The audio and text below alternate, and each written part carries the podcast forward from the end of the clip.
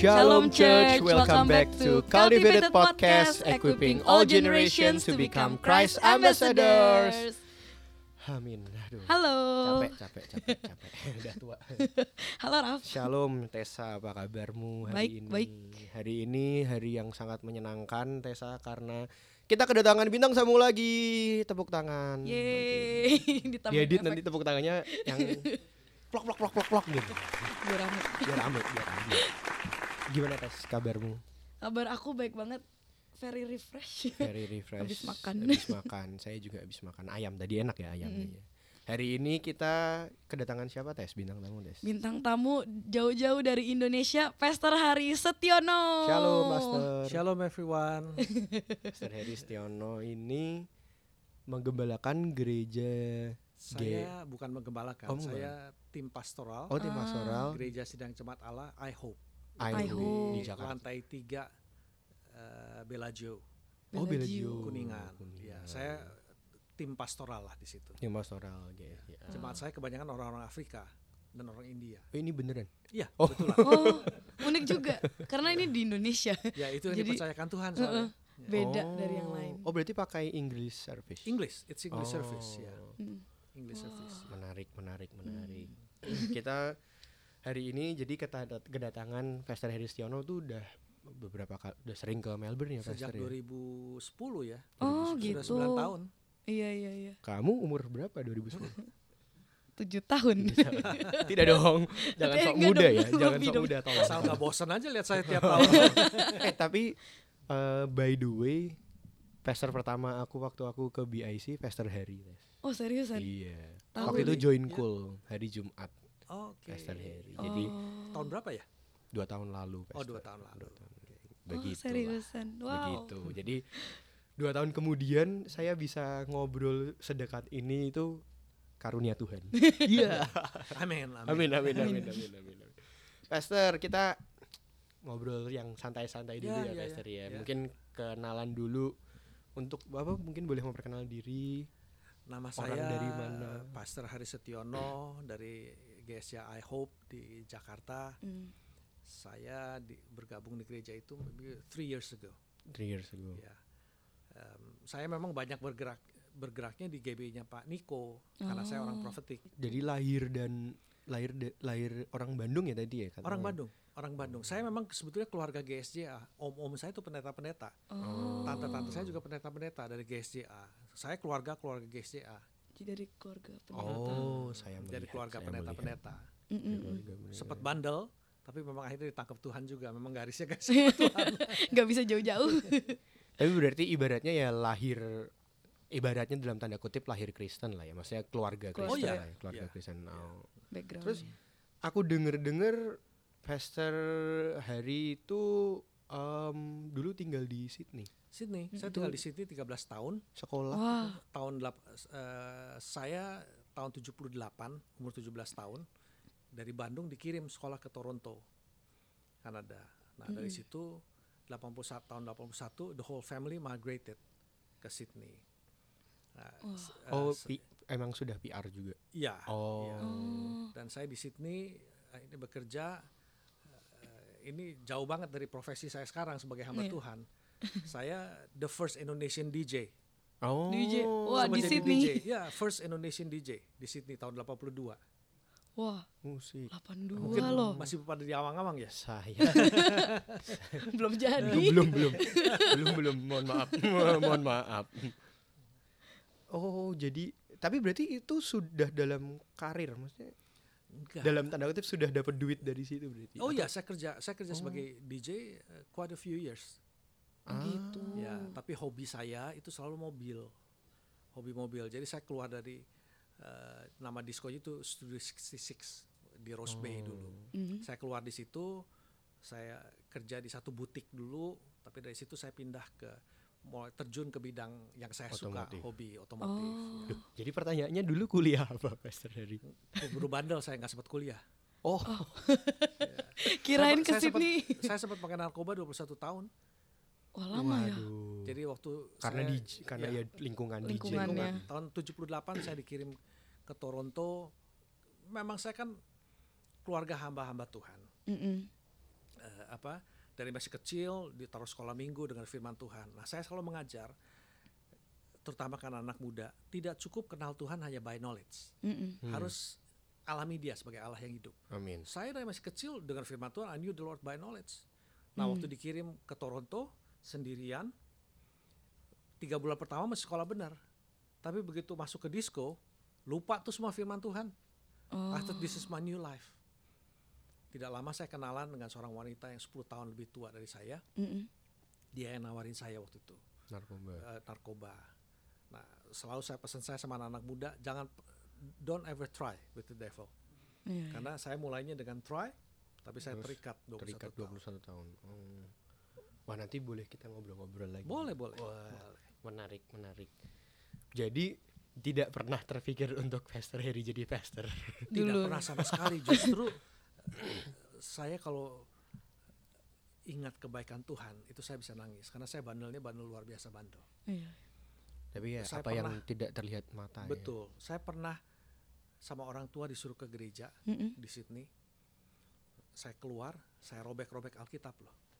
Saya bilang nih Tuhan nggak ada. Wah, Nah, kalau hari ini saya bisa melayani Tuhan, it's nggak nyangka God's banget grace. ya. Iya. God's grace. Amazing sih. Mungkin nanti kamu tes jadi tukang sulap. Iya. Kaget aku, aku kira dijadi jadi ini loh, Loh, amin. pendeta gitu. Amin amin. Pendeta amini dong. Amin, amin, amin. jadi hamba Tuhan. Oh, menarik, menarik. Aku dulu juga di Sydney, Pastor. Oke, oke. Gitu.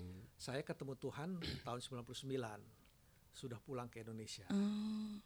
Tadi saya Oh. di, tadi saya di khotbah kedua sempat kesaksian sih. Mm-mm. Jadi saya ditangkap Tuhan ini di rumah Indonesia. di Indonesia. Dulu preman-preman saya itu yang bawa pendeta, mereka ditangkap Tuhan, mereka yang bawa pendeta ke rumah saya, bayangin. Jadi saya terima Tuhan Yesus di rumah. Wah. Nah, dua minggu setelah saya terima Tuhan Yesus, saya mengalami penampakan Tuhan.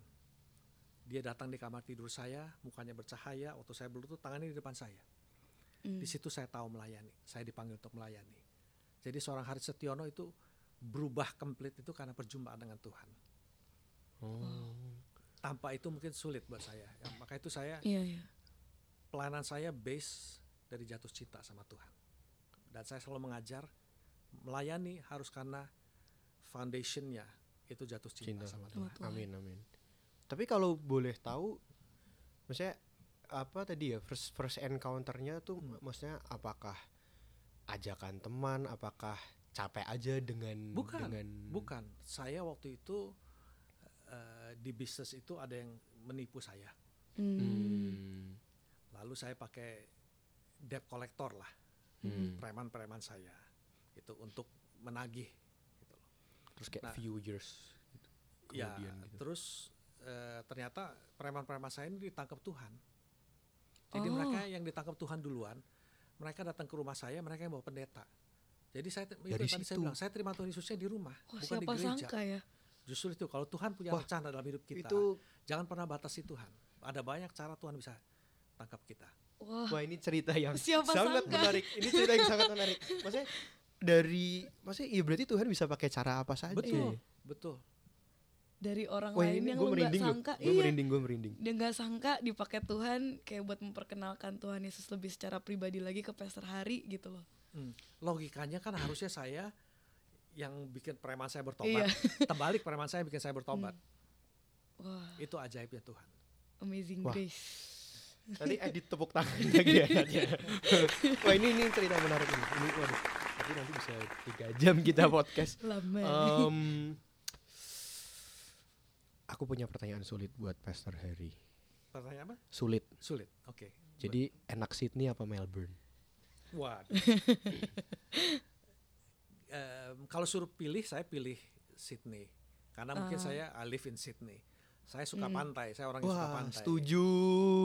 Suka pantai. Mungkin saya Bondai. agak agak agak gelap-gelap karena baru dari Sydney kan. Sempat tiga hari ke, ke pantai. Wah, jadi pengen ke Sydney. Tapi memang Bagus ya. nggak jadi deh nanti saya dihujat sama teman-teman Melbourne. Melbourne enak kok, the most Enak. livable city. Melbourne- the most enak. livable city. Tapi memang kebanyakan yang suka Sydney nggak suka Melbourne. Oh, iya. Yang suka Melbourne Melbourne, nggak suka Sydney. Beda. But both are nice cities. Iya iya iya iya iya. iya. Begitulah. Oke, kita Oke masuk deh. ke topik.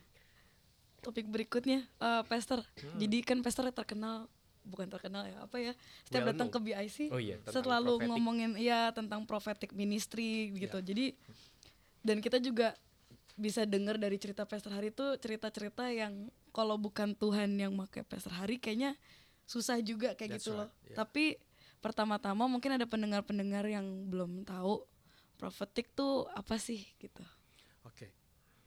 uh, eh, pelayanan prophetic atau prophetic ministry itu adalah sebuah uh, pelayanan hmm. yang realize, yang bergantung kepada karunia bernubuat dan revelation dari Tuhan. Oh. Intinya itu menyingkapkan hati Tuhan buat gerejanya. Mm That's prophetic ministry. Oh gitu. Um, terus kalau karunia bernubuat dari Tuhan gitu kan, itu kan berkaitan banget dengan kepekaan sama Roh Kudus sendiri kan. Ya, ya. Cara kunci mengaktifkan mengaktifkan karunia dari Tuhan melalui Roh Kudus tuh gimana sih? Kalau karunia bernubuat itu kan termasuk dari salah satu sembilan karunia Roh Kudus. Mm -mm. Ya. Nah, sembilan karunia Roh Kudus itu bisa diimpartasikan. Saya dapat karunia Roh Kudus itu 10 bulan setelah saya terima Tuhan Yesus mm -mm. melalui ibu rohani saya namanya Pastor Pam Seward mm. orang Amerika umur 17 tahun dia tinggalkan Amerika dia melayani di Nepal sampai hari ini umurnya 72 Waduh. 73 Waduh. powerful lady mm. nah dia yang mengajar 10 bulan setelah saya bertobat ada conference di gereja dia mengajar mengenai Roh Kudus lalu the gifts of the, uh, the gifts of the Holy Spirit nah saya terima impartasi mm -mm. dari situ kita bisa terima impartasi tetapi setelah itu kita juga harus membangun hubungan dengan Roh Kudus. Karena Dilatih gitu ya. Ya, kita harus punya kehidupan doa. Hmm. Karena kepekaan itu tidak bisa nggak bisa cuma ditumpang tangan terus jadi peka. Enak banget dong. Ada orang yang saya membangun kehidupan doa saya selalu mengajar mulai dari disiplin. Saya mulai berdoa 4 sampai 8 jam hmm. setiap hari. Uh, tiga bulan sekali saya berdoa 12 jam just pure in tongues hal iya. seperti itu. Nah, dari situ baru Tuhan bawa ke dalam keintiman. Jadi ketajaman untuk kita mendengar suara Tuhan, ketajaman untuk uh, profesi yang kita lepaskan atau word of knowledge mm -hmm. itu harus dibangun dari relationship kita dengan keintiman, uh, dengan Roh mm. Kudus. Sorry. Jadi oh. bo mungkin boleh ada um, bukan ngomongnya apa ya tips bukan tips sih. Maksudnya gini mungkin kan soalnya mungkin yang dengar podcast ini kan hmm. juga mungkin Rindu. belum semua orang Kristen gitu kan. Ya ya Questor cuman maksudnya buat buat startup yang bener-bener awal nih kayak hubungan doa itu hubungan maksudnya gini kalau mungkin kita ng ngajarin orang startupnya doa atau kerinduan profetik? Um, uh, karena kita lagi bicara maybe oke okay, profetik kan tadi dari hubungan ya. doa kan. Ya, oke. Okay. nah, mungkin saya mundur ke, uh, untuk bergerak dalam pelayanan profetik prophetic mm -hmm. ministry kemarin saya mengajar itu dimulai dari kerinduan. Oh. Hmm. Ya, eh, rindu bergerak dalam peranan profetik, rindu untuk bernubuat. Hmm. Nah dari kerinduan itu, nah Tuhan selalu menjawab kerinduan hati kita. Hmm. Nah, cuma dari situ kita memang harus punya kehidupan doa. Kehidupan doa. Saya selalu mengajar mulai dari disiplin. Oh disiplin dulu disiplin, aja disiplin. ya. Disiplin. Iya, iya. Kehidupan menarik, doa itu harus dimulai dari disiplin. Baru nanti Tuhan bawa ke ke intimacy Kayak hmm. saya tadi saya saksikan. Setuju sih. Saya ditangkap Tuhan hari Selasa di rumah. Hmm. Besok siangnya saya udah di gereja berdoa. Karena di gereja kita di GSI Mercy for All itu hmm. ada dua subuh, ada dua siang. Oh, jadi dari yang tadinya dari tadinya jarang ke gereja, saya langsung besokannya setiap siang saya di gereja berdoa. Mm-hmm. Minggu depannya saya mulai doa subuh. Doa subuh tuh jam 5 sampai jam 7, saya terusin sampai jam 9. Nanti jam 11 saya balik lagi ke hmm. gereja, saya berdoa lagi. Nah mulainya dari begitu. Lalu satu bulan kemudian Bapak Gembala mengajar mengenai berdoa satu jam. Mm Saya mulai praktek yeah, berdoa yeah, satu yeah. jam. Nah sekali kita mengalami perjumpaan atau encounter dengan Tuhan mm -hmm. dalam kehidupan doa, satu jam itu lewatnya cepat sekali. Iya. Nggak terasa. Nah saya dari satu jam itu akhirnya jadi dua jam, tiga jam, empat jam. Ada ada beberapa season akhirnya saya berdoa 4 sampai delapan jam setiap hari. Ah.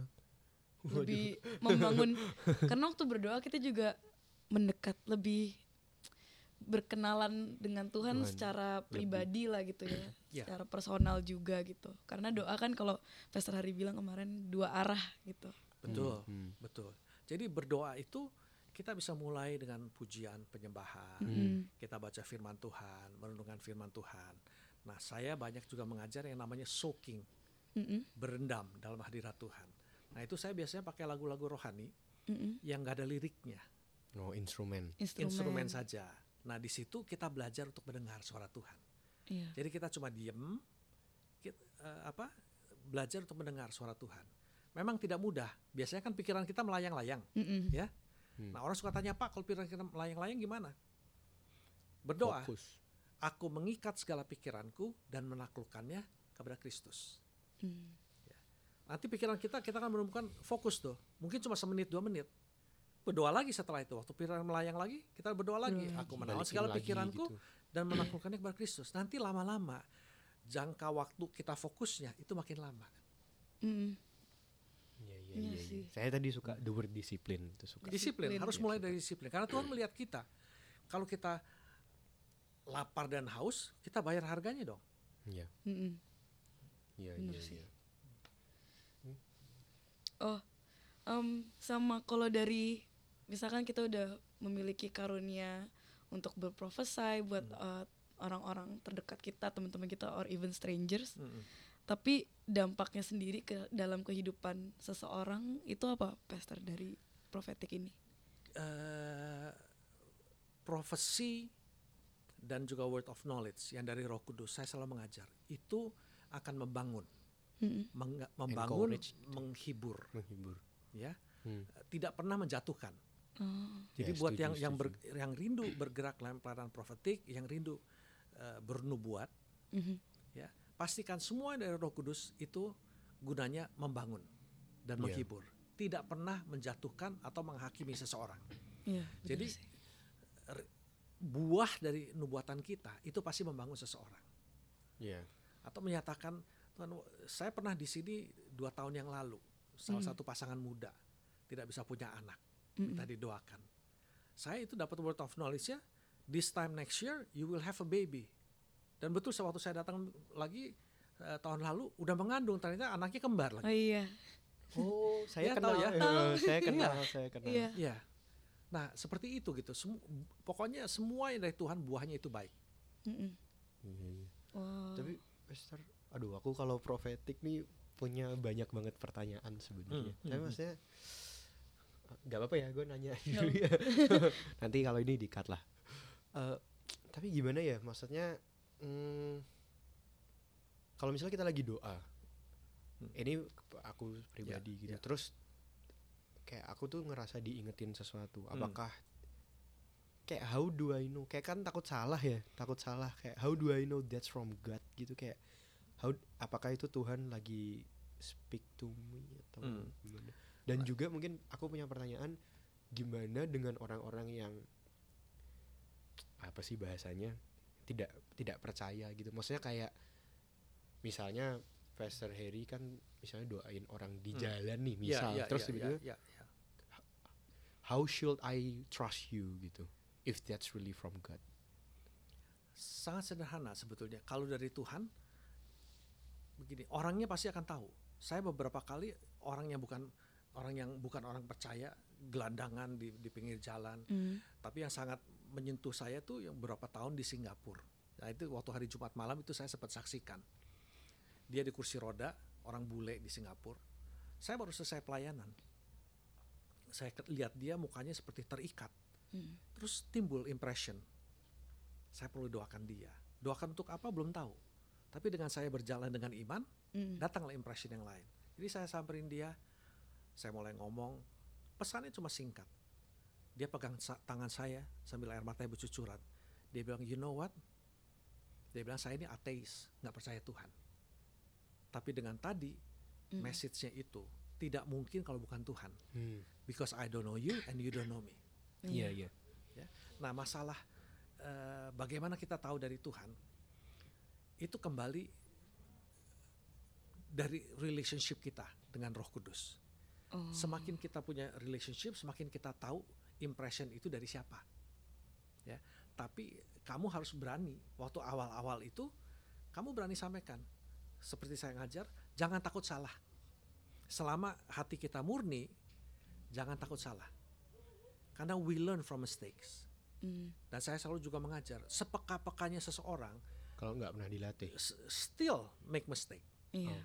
Saya pun masih banyak buat kesalahan, yeah. but we learn from mistakes. Kalau kita uh, berusaha untuk jadi perfect, no one is perfect. Justru we leave no room to learn. Jadi yeah. jangan pernah ah. takut. Yeah, Benar yeah, sih. Yeah. Ini ini ini kat Saya ya, diketawain ya. orang juga pernah. Oh. Saya pernah juga diketawain orang di kantor imigrasi di Sydney. Yeah. Dan saya orangnya di kursi roda anak muda berdua kakak adik kakaknya yang dorong adiknya ini hmm. saya tergerak gitu mm -mm.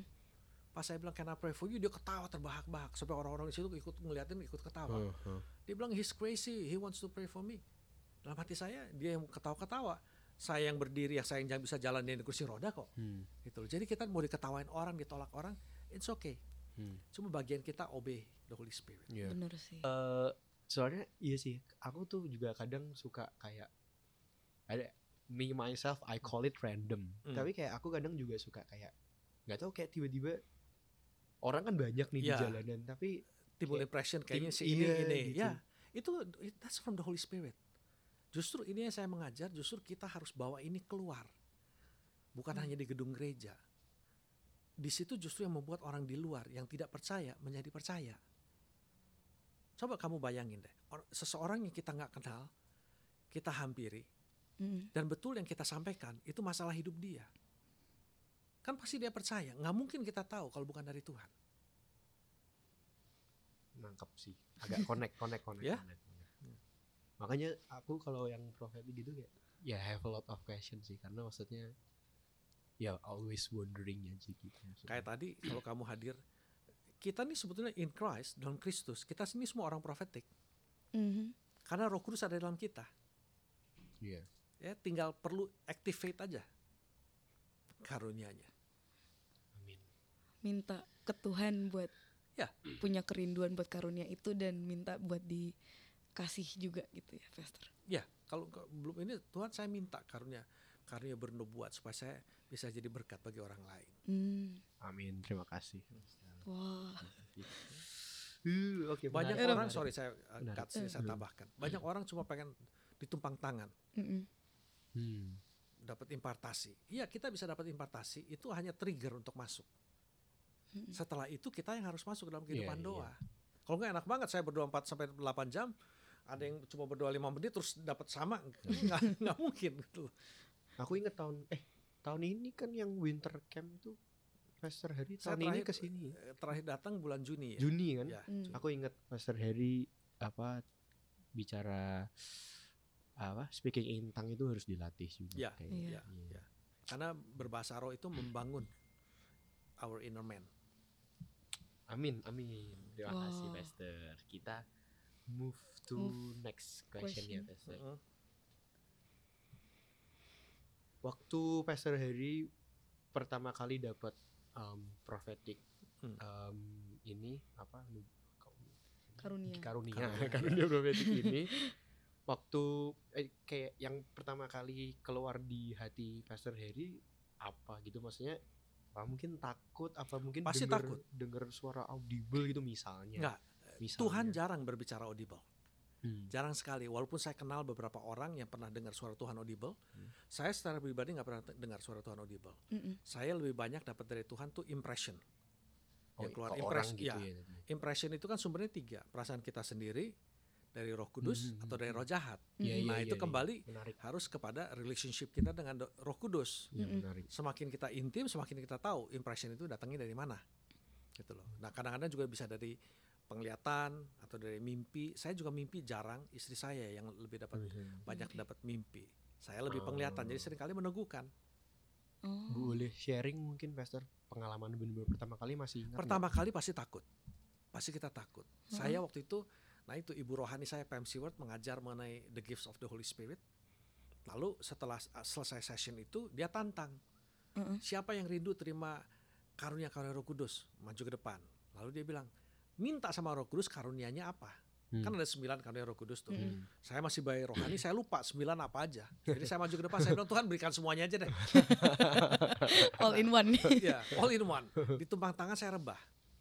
Nah, session berikutnya di tengah uh, worship ada seorang uh, wanita muda berbahasa roh. Hmm. Kok saya tahu artinya? Hmm. Itu oh. karunia menafsirkan bahasa yeah. roh. Yeah. Tapi saya nggak berani. Saya duduk di baris kedua, Pam Seward duduknya di baris ke satu. Mm-hmm. Dia bisa berbalik, dia toel paha saya dan dia bilang kamu yang punya dapat tafsirannya. Waduh, tajam sekali. Waduh, wow. tajam sekali. Saya kayak dapat suntikan iman, saya langsung sampaikan. Nah besok paginya session berikutnya, mm-hmm. begitu lagi di tengah-tengah worship. Kalau sekarang laki-laki berbahasa roh, saya tahu gitu loh. Oh ini mm. masih belum berani tuh kedua kali. Ditoel lagi sama dia, kamu lagi yang dapat. Nah six months or eight months after that, saya diajak sama Bapak Gembala ikut pelayanan KKR di Pontianak. Mm-hmm. Ya, uh, nemenin dia, bantu dia. Di doa pengerja, semua pengerja yang terlibat dalam KKR, kami kumpul berdoa. Nah, lagi berdoa itu datang word of knowledge. Ada seorang wanita muda di sini lagi berpikir untuk meninggalkan pelayanan, bahkan ninggalin Tuhan. Oh. Mm-hmm. Saya nggak berani terus terang yeah. impression itu datang lagi sampai ketiga kali baru nggak berani juga oh, nggak berani. berani masih nggak berani nah tiba-tiba salah satu bapak kenalan saya dia juga kuat di situ tiba-tiba dia bilang di sini ada seorang wanita muda lagi berpikir ah. untuk meninggalkan oh. meninggalkan pelayanan bahkan ninggalin Tuhan uh dari belakang lari satu anak perempuan muda hmm. tersungkur ke depan bertobat minta ampun hari ini dia pegang sekolah Alkitabnya GSCA di Manado Ah. Nah kita waktu nggak berani begitu, rasanya kita kehilangan berkat. Mm. Jadi jangan pernah yeah, takut. Yeah, yeah, yeah. Ya Tapi, saya dari yeah, situ, yeah, yeah, yeah, yeah, dari yeah, situ yeah, saya yeah, yeah, memberanikan diri. Iya iya iya iya. Yang penting hati kita tulus, nggak nggak ingin terlihat seperti super rohani. Mm. Wah saya sudah jadi nabi, jangan. Dan nggak steal the glory of God. Ya, mm. selalu humble, ingin jadi berkat, itu aja. Bener sih. Wah, memberkati, memberkati, memberkati banget. Eh, tapi kalau aku boleh tadi agak uh, tarik ke belakang, hmm. berarti tadi yang membuat Pastor Harry bener-bener aku pengen melayani Tuhan nih ya tadi ya yang hmm. di ruangan kamar itu. Ya, saya dipang uh, saya lihat tangan Tuhan di mukanya bercahaya, tangannya di depan saya. Di situ saya tahu saya dipanggil untuk melayani. Waduh. Bahkan setelah itu melalui beberapa profesi Eh, dari beberapa bapak rohani saya. Saya dipanggil uh, untuk melayani. Okay. Jadi saya ngalami Tuhan tuh secara supranatural sekali memang. Mungkin orang bandel kayak saya mesti tangkapnya gitu, tangkap biasa-biasa nggak dengar-dengar. Kalau diliatin tuh tangan iya. saya. Jadi kalau ada yang nanya mana Tuhan ada apa enggak ya ini hidup gua gitu ya iya. istilahnya. Betul. Saya bisa berubah luar luar dalam itu karena Tuhan. Wah. Karena saya physically itu berubah. Mm -mm. Dulu waktu saya on drugs kurus saya tinggi 172, timbangan saya sempat 49 kilo. Oh, ada Bayangin kurus ya. Kurus banget itu. Saya kurus banget. gendut. kurus banget. Jadi betul-betul Tuhan rubah saya hmm. luar dalam. Wah. Amazing sih. Amazing, amazing. Ini seru we, banget we, we serve ini. an amazing God. Iya. Iya, amin, amin, amin. Keren aku, banget pekerjaan Tuhan. Gak kepikiran gitu loh. Yes, yes. Wah. Aku tadi keingetan ini tes. Apa? Aku selalu apa aku nggak pernah lupa kayak pernah ada yang bilang ke aku gitu. Uh -huh. kalau kita pengen punya pengen tahu hati Tuhan ya tadi kan ya apa bangun relationship itu hmm. ibaratnya hmm. kayak it's different kalau gue baru kenal lu dua hari sama hmm. lima tahun kan pas muka lu murung pasti gue tahu tahu lah hmm. lu lagi ada hmm.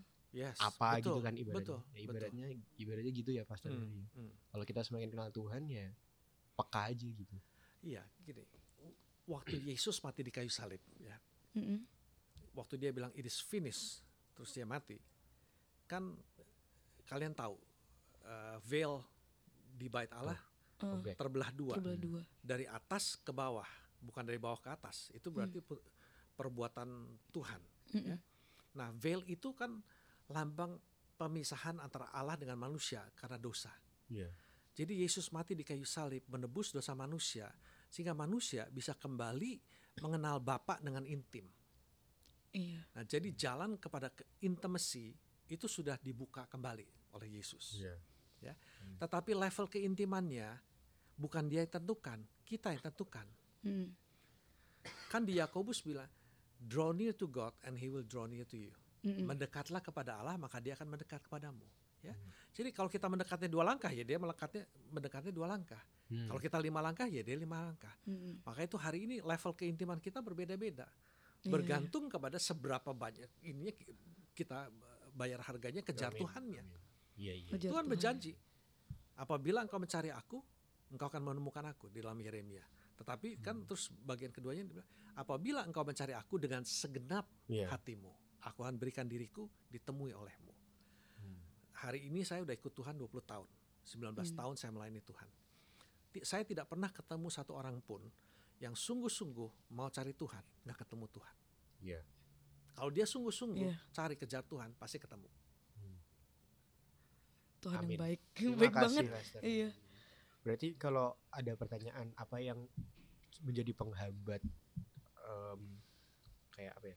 Apa yang jadi penghambat untuk kayak bergerak di prophetic? Prophet, pro, mungkin prophetic dan bidang-bidang lain pun yeah. ya ya malas itu tadi. Ya, mm. malas atau logic Hmm. Logik itu salah satu musuh terbesar juga. Iya, logika kita.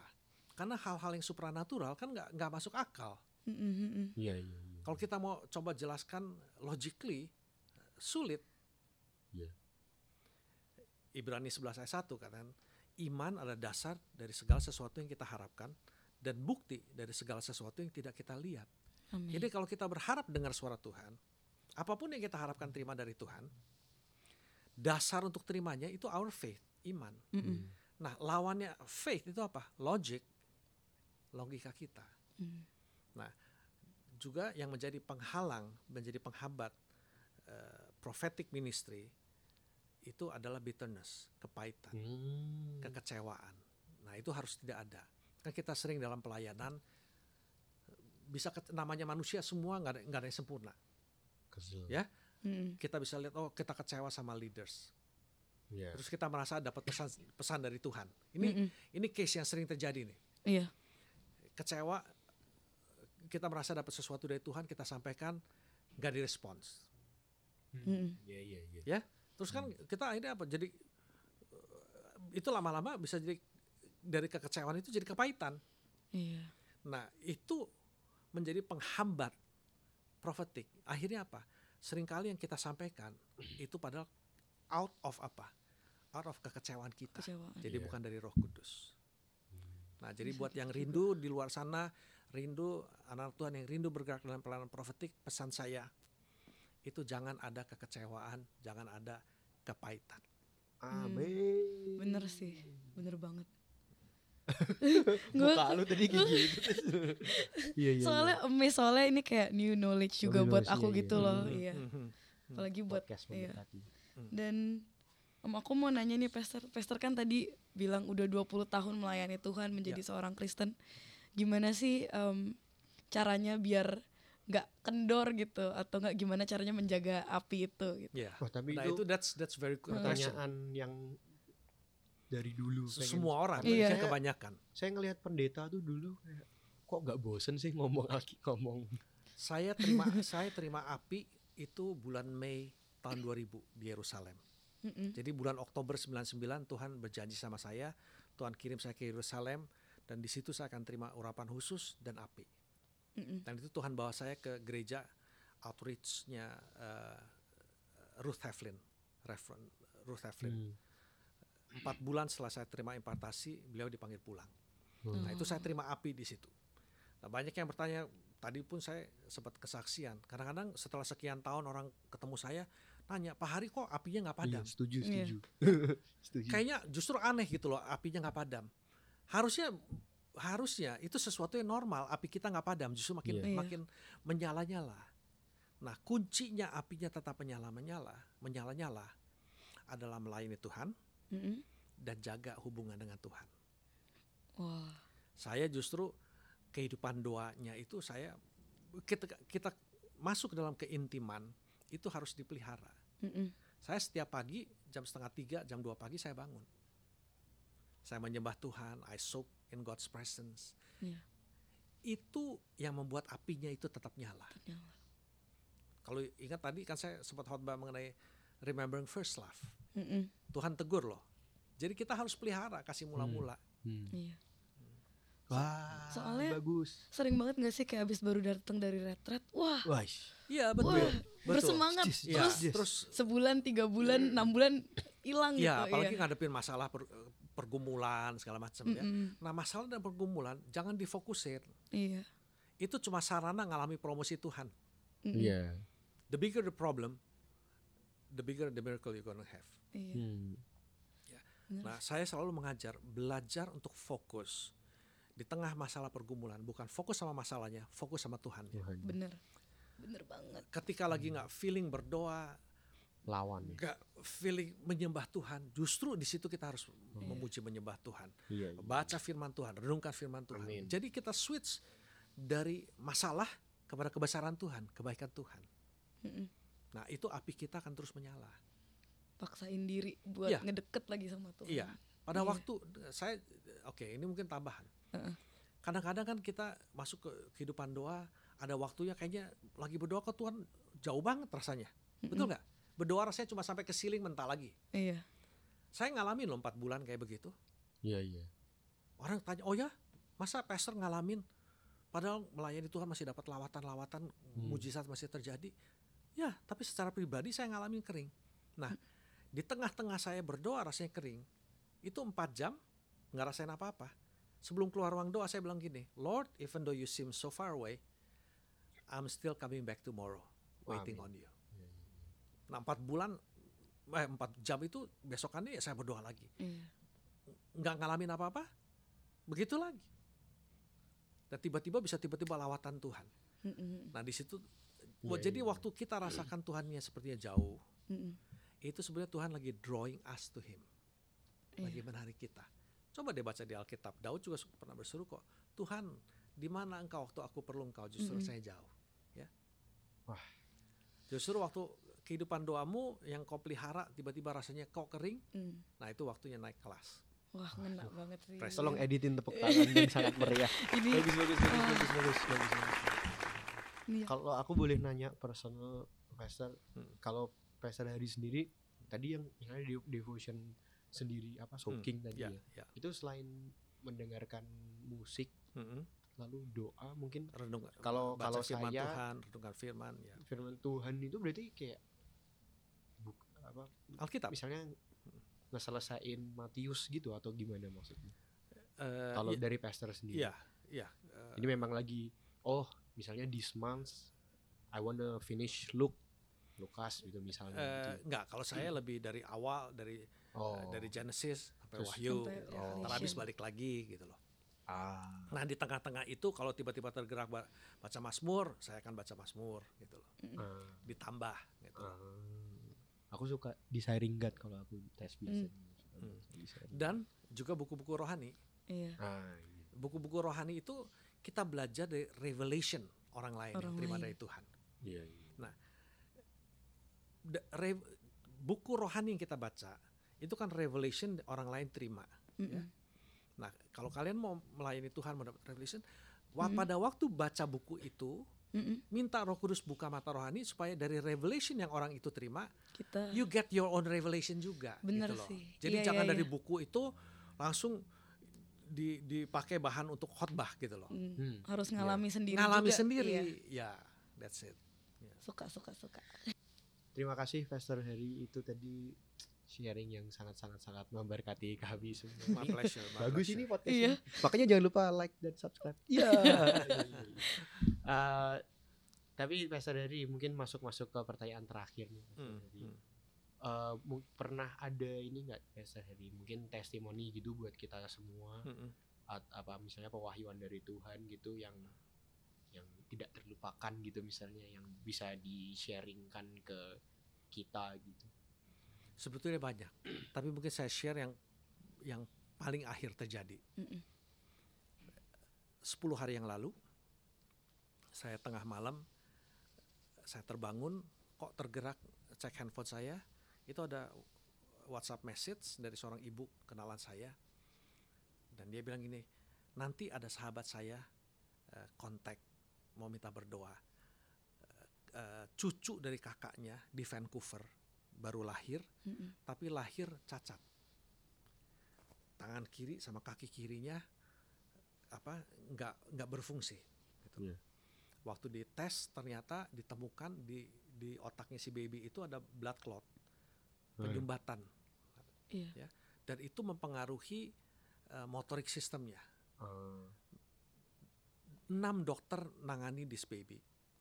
Mereka bilang begini ini anak kemungkinan meninggal. Mm -hmm. kalaupun hidup cacat. ya.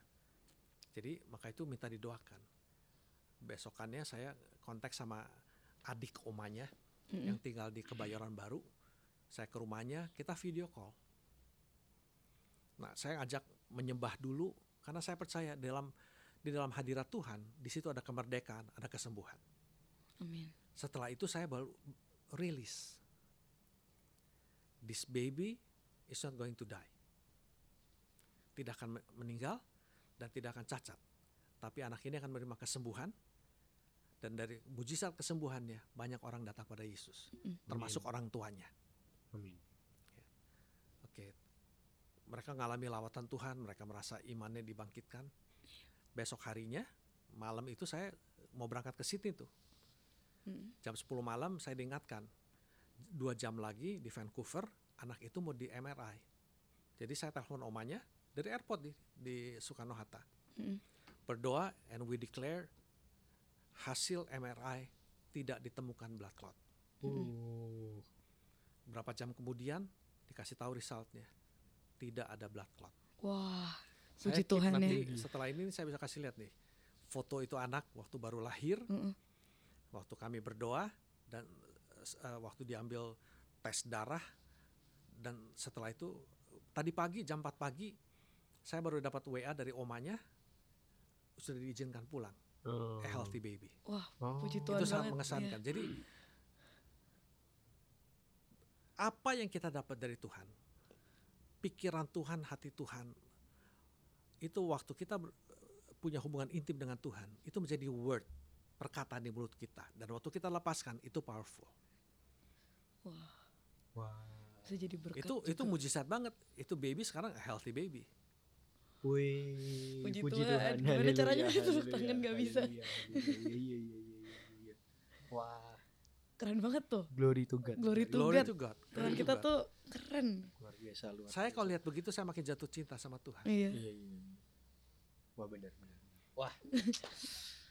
luar biasa luar biasa podcast hari ini. God is good. God is good. God is good. All the time. Thank you Pastor Harry. You're welcome. Iya. Hmm, Pastor, aku punya pertanyaan, pertanyaan sulit Wah. sulit lainnya lagi oke okay. ayat favoritnya apa Pastor ayat favorit iya. iya ayat favorit Pastor Harry seorang Pastor Harry uh, mungkin yang Yesus bilang apabila engkau percaya mm -mm. engkau percaya kepada aku engkau akan melakukan pekerjaan hmm. pekerjaan yang sama seperti yang aku lakukan yeah. bahkan pekerjaan yang lebih besar aku baru dengar itu wow. kemarin itu dari anyway. Iya, tapi aku baru denger itu kemarin. Ya, itu salah satu sebetulnya banyak. Semua juga iya, semua iya. juga bagus. Semua, semua juga bagus. Coba kalau ditanya itu yang saya langsung teringat itu. itu. Mm -mm. Iya. Amin. kalau lagu favorit Pastor Harry? Wah, itu sih banyak susah. Yang buat yang sangat iya. oke, okay, yang saya banyak pakai sampai hari ini lagunya Terry McElman. We were made to worship the King. Wow. Kita diciptakan untuk menyembah. Nanti saya dengarkan. Mm Tapi lagu-lagunya Symphony Worship juga banyak memberkati saya. Mm -hmm. Saya open. Uh, saya I listen to uh, any, Jesus Culture, uh, yeah. Planet Shakers, Hillsong, uh, Battle, ya tapi yang deep deep kayak Terry, Terry McElman juga saya listen. Hmm. yang Indonesia itu Andi Am Ambarita, ya, itu salah satu anak rohani saya. iya, update nih ya. ya. saya baru baru I prophesy over him empat tahun yang lalu sama Aca. Oh. waktu di Sydney ya kita ini ya. Ah, agak dekat sampai ngantri saya pulang segala macam Jadi kalau Andy dengerin, hai Andy. Oh siap. hai Tolong ya nanti kok Gideon dikirim ke Marita. Saya menunggu followannya. Waduh. Tidak, tidak, tidak. Deg-degan jadinya. ah, terima kasih Pastor Hari. My pleasure. Pastor, boleh nggak doain buat pendengar-pendengar cultivated yang mungkin memiliki kerinduan untuk uh, memiliki karunia profetik ini gitu untuk membangun gak cuma dirinya tapi kayak orang-orang lain sekitarnya juga biar makin deket juga sama Tuhan gitu. Oke, yuk kita berdoa. Uh, semua pemirsa yang mendengarkan ini kalau rindu bergerak dalam peran profetik, uh, saya mengajak angkat kedua tanganmu, kita berdoa Bapak aku berdoa bagi setiap tangan-tangan yang terangkat, mereka yang rindu Tuhan kehidupan yang menjadi berkat bagi orang banyak. Aku berdoa berikan mereka kepekaan untuk mendengar suaramu, juga boldness, keberanian untuk menyampaikan isi hatimu. Boldness, keberanian untuk membagikan kasih Yesus kepada orang lain. Aku juga berdoa Tuhan kau tambahkan hati yang haus dan lapar akan kau. Aku berdoa bawa setiap mereka Tuhan ke dalam keintiman denganmu Tuhan. Berikan mereka kerinduan untuk masuk dalam kehidupan doa yang dalam. Aku berdoa, aku memberkati setiap pemirsa yang mendengarkan ini Tuhan. Di dalam nama Tuhan Yesus, kami berdoa dan mengucap syukur. Haleluya. Amin. Amin. Terima kasih Pastor. Thank you. Sudah mau mengisi hari ini. Wah.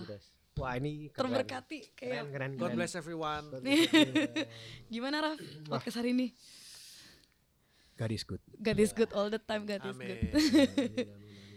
ya udah sekian dari aku Tessa. Saya Ravelo pamit. Undur diri. Pastor Harry. Eh, goodbye juga dari saya Pastor Harry Setiono. Kapan God bless everyone. Balik ke Indonesia. Uh, besok pagi. Oh, safe oh, flight. Safe flight, Pastor. Thank you. See you next year. Woi, amin. Of course. Ya, amin. Oke, selamat beraktivitas hari ini. Tuhan Yesus sayang kalian.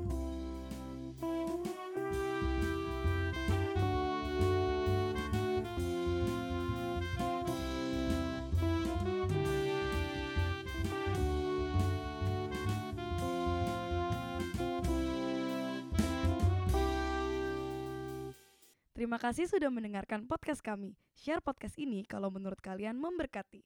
Cultivated Podcast tersedia di Spotify dan YouTube dan kalian bisa cek juga Instagram kita di cultivated.podcast. Terima kasih.